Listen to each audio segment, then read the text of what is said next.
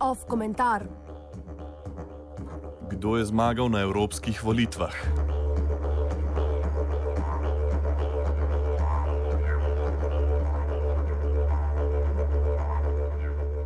Ob objavi rezultatov nedeljskih volitev je zmago večina takoj pripisala desnici, ki je osvojila pet od osmih euromandatov. Toda ali je njihova zmaga res tako samoumevna, kakor se zdi na prvi pogled?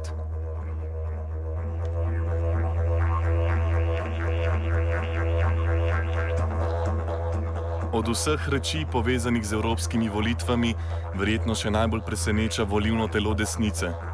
Kakor se SDS in skupna lista SLS-NSI točeta po prsih in čestitata samim sebi, je očitno, da sta Lojze Petrle in Milan Zvir med predvolivno kampanjo govorile take idiotizme, da je vsaj polovica tako imenovanih vojščakov ostala doma.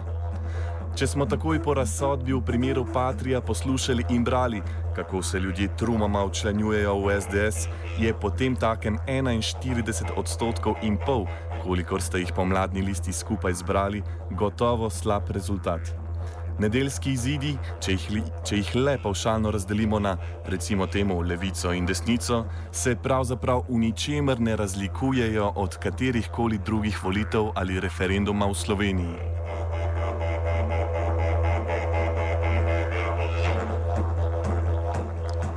Izgleda, da si voljivci desnice demokracijo vseeno predstavljajo malenkost drugače, kakor zver, in da loyalty index v Sloveniji še ne deluje.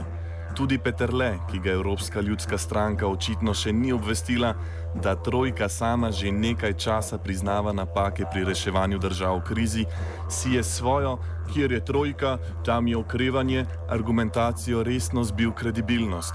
Ob rezultatu 40-60 sta desnico tako rešila visok prak za vstop v Evropski parlament, ki je mimo grede v Nemčiji obveljal za neustavnega, ter razdrobljenost levice. Slednje je za SDS prej poraz, kakor zmaga, saj po novi razporeditvi moči na nasprotnem koncu državnega zbora ni nobene močne stranke, ki bi zagovarjala spremembo volivnega sistema.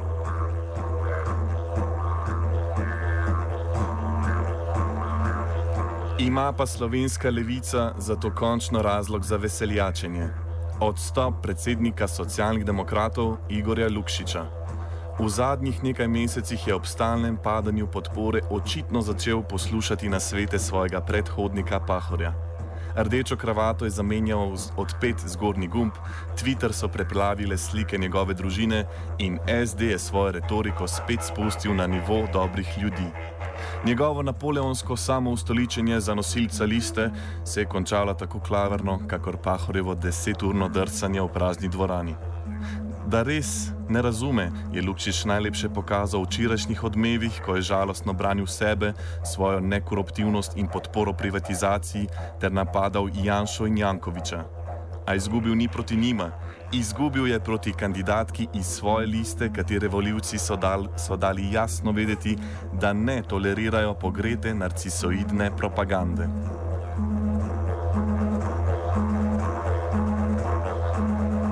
Nedvoumen znak, da ima Slovenija demografski problem, je Ivo Weigl, ki je kljub 71 letom prav mladostno skočil k Desusu in si brez kakršnega koli programa z lahkoto priboril še en mandat.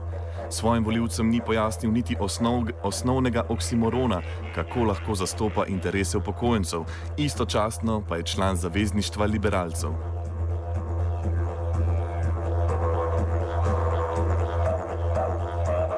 Tudi Šoltesu je uspel levji skok, ko je v rekordnem času ustanovil stranko in pokazal, da se da mandat v Evropskem parlamentu usvojiti le s Facebook stranjo. Kako tudi ne, saj je imel na terenu kar najboljše operativce, ki radio študent že dve leti onemogočajo preživetje kako se Šoltesova socialdemokratska politika ujema s podjetniško logiko ekipe povezanih in ljubljanske študentske organizacije, ni čisto jasno. V megli pa tavamo tudi glede njegove udeležbe na državno-zborskih volitvah. Če noče ponovitve volitev v Sloveniji, bo moral Šoltes z odstopom z mesta europoslanca počakati najmanj pol leta, ki pa bodo na notranje političnem prizorišču gotovo burna. V primeru, da se odzove klicu domovine, pa to v Evropski parlament ponese Katarino Košak, bivšo ministrico na Ljubljanskem šovu, kar bo po državnemu sekretarju Jrneju Pavliču že drugi primer raketnega vzpona študentskih politikov. Pa naj še kdo reče, da se ne splača razporejati študentskih milijonov.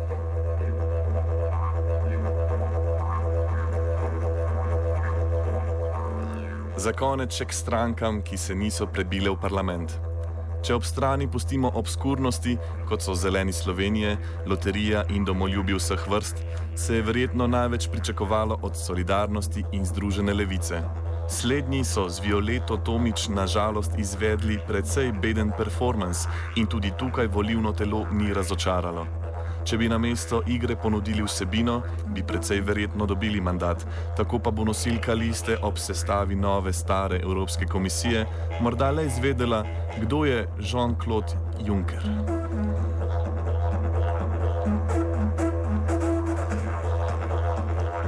A dejstvo je, da so v letošnjem turbovolivnem letu Evropske volitve le ena izmed bitk in da bo pravi zmagovalec znan šele pozno jeseni. Če seštejemo glasove, ki so jih dobile predpražne programsko sorodne stranke, Združena levica, Solidarnost ter Pirati, in če temu dodamo še preferenčne glasove za Jožeta Mencingerja, ki mu je razpad stranke uničil kandidaturo, a se sam nagiba k Evropski levici, dobimo 59 tisoč glasov, kar bi ekipo izstrelilo na tretje mesto med SLS, NSI ter Verjamem. Ob ogibanju, da se jim pridružijo še voljivci sanske službe, pa bi takšna koalicija zbrala še dodatnih 14 tisoč glasov, kar bi bilo dovolj za drugo mesto.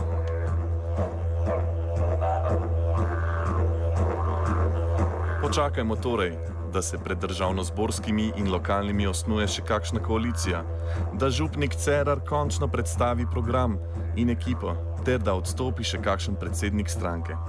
Ogibanja o tem, kdo je zmagovalec volitev, na katerih je udeležba primerljiva s študentskimi, pa prepustimo tistim, ki jim je merilo za uspeh plača evropskega poslanca.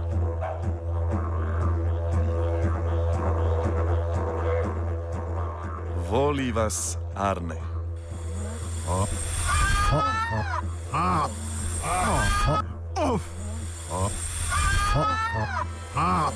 Off komentar.